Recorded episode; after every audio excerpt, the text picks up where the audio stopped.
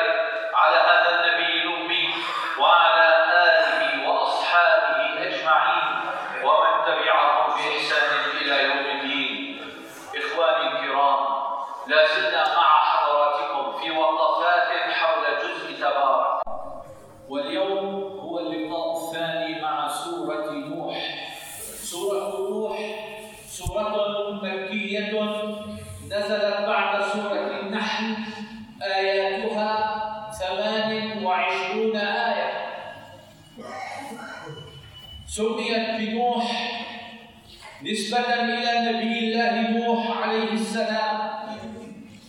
لأن فيها قصته فيها سيرته فيها دعوته لقومه.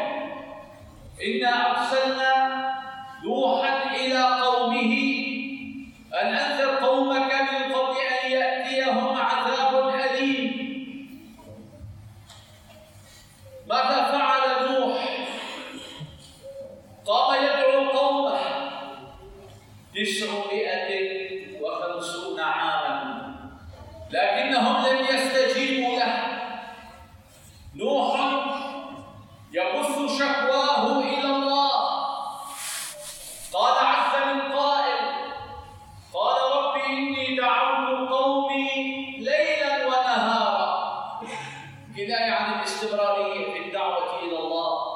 كناية عن المثابرة في الدعوة إلى الله.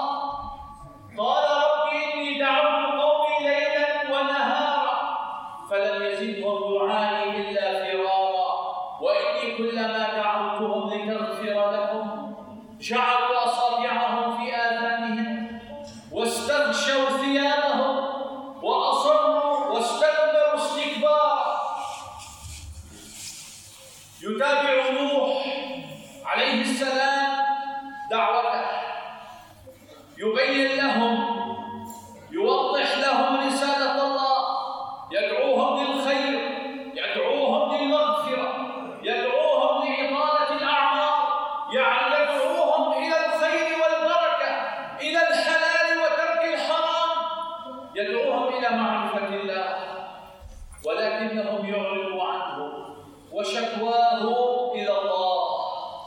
ثم إني دعوتهم جهارا ثم إني أعلنت لهم وأسررت لهم إسرارا. يبث شكواهم إلى الله. يشكو إليه سبحانه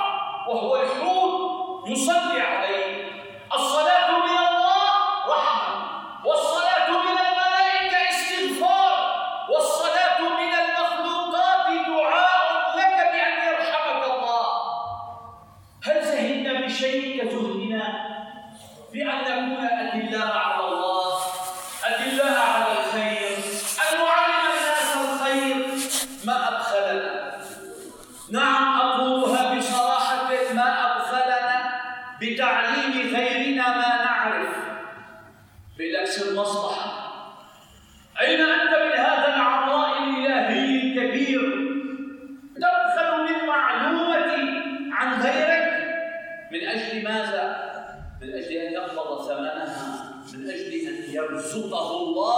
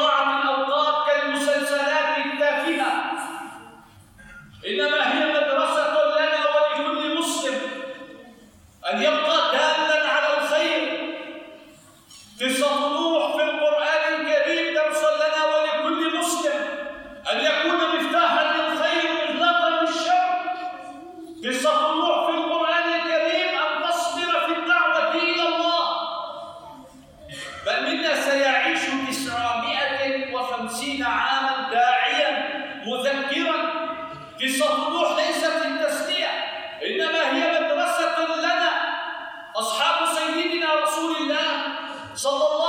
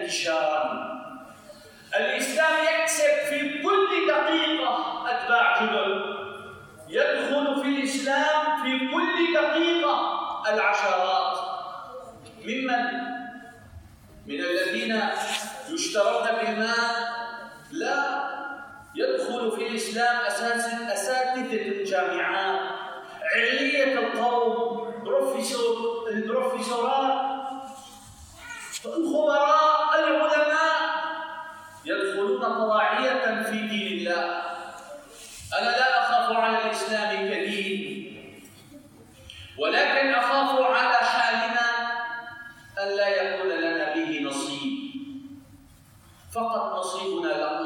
اللسان إذا كان هذا حالنا فوالله يبكى علينا. أخاف أن لا يكون لنا نصيب في الإسلام وانتشاره وعلو مكانته.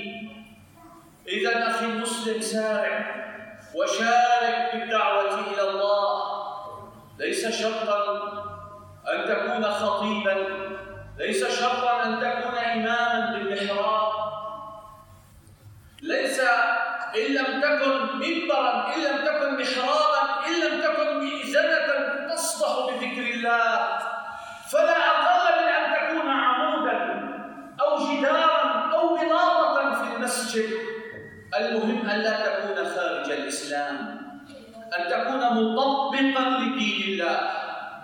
أن تسمع قصة نوح لتعمل بها.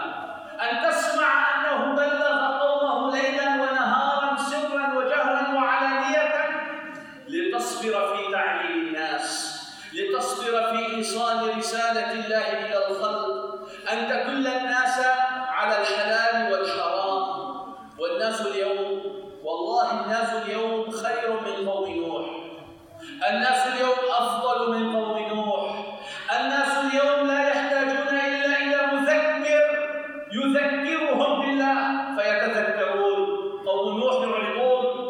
قوم نوح قال يا رب إني دعوت قومي ليلا ونهارا فلم يزدهم دعائي إلا فرارا. هربوا.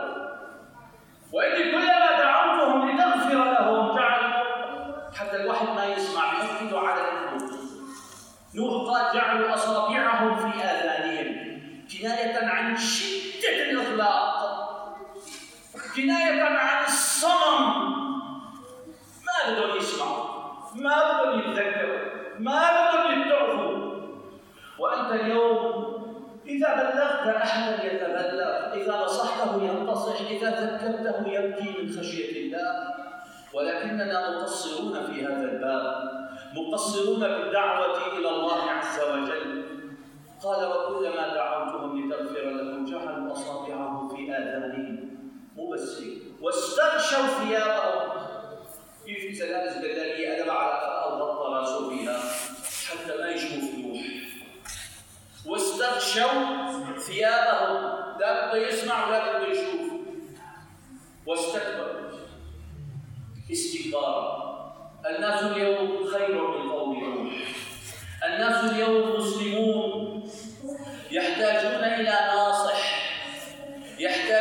Marilal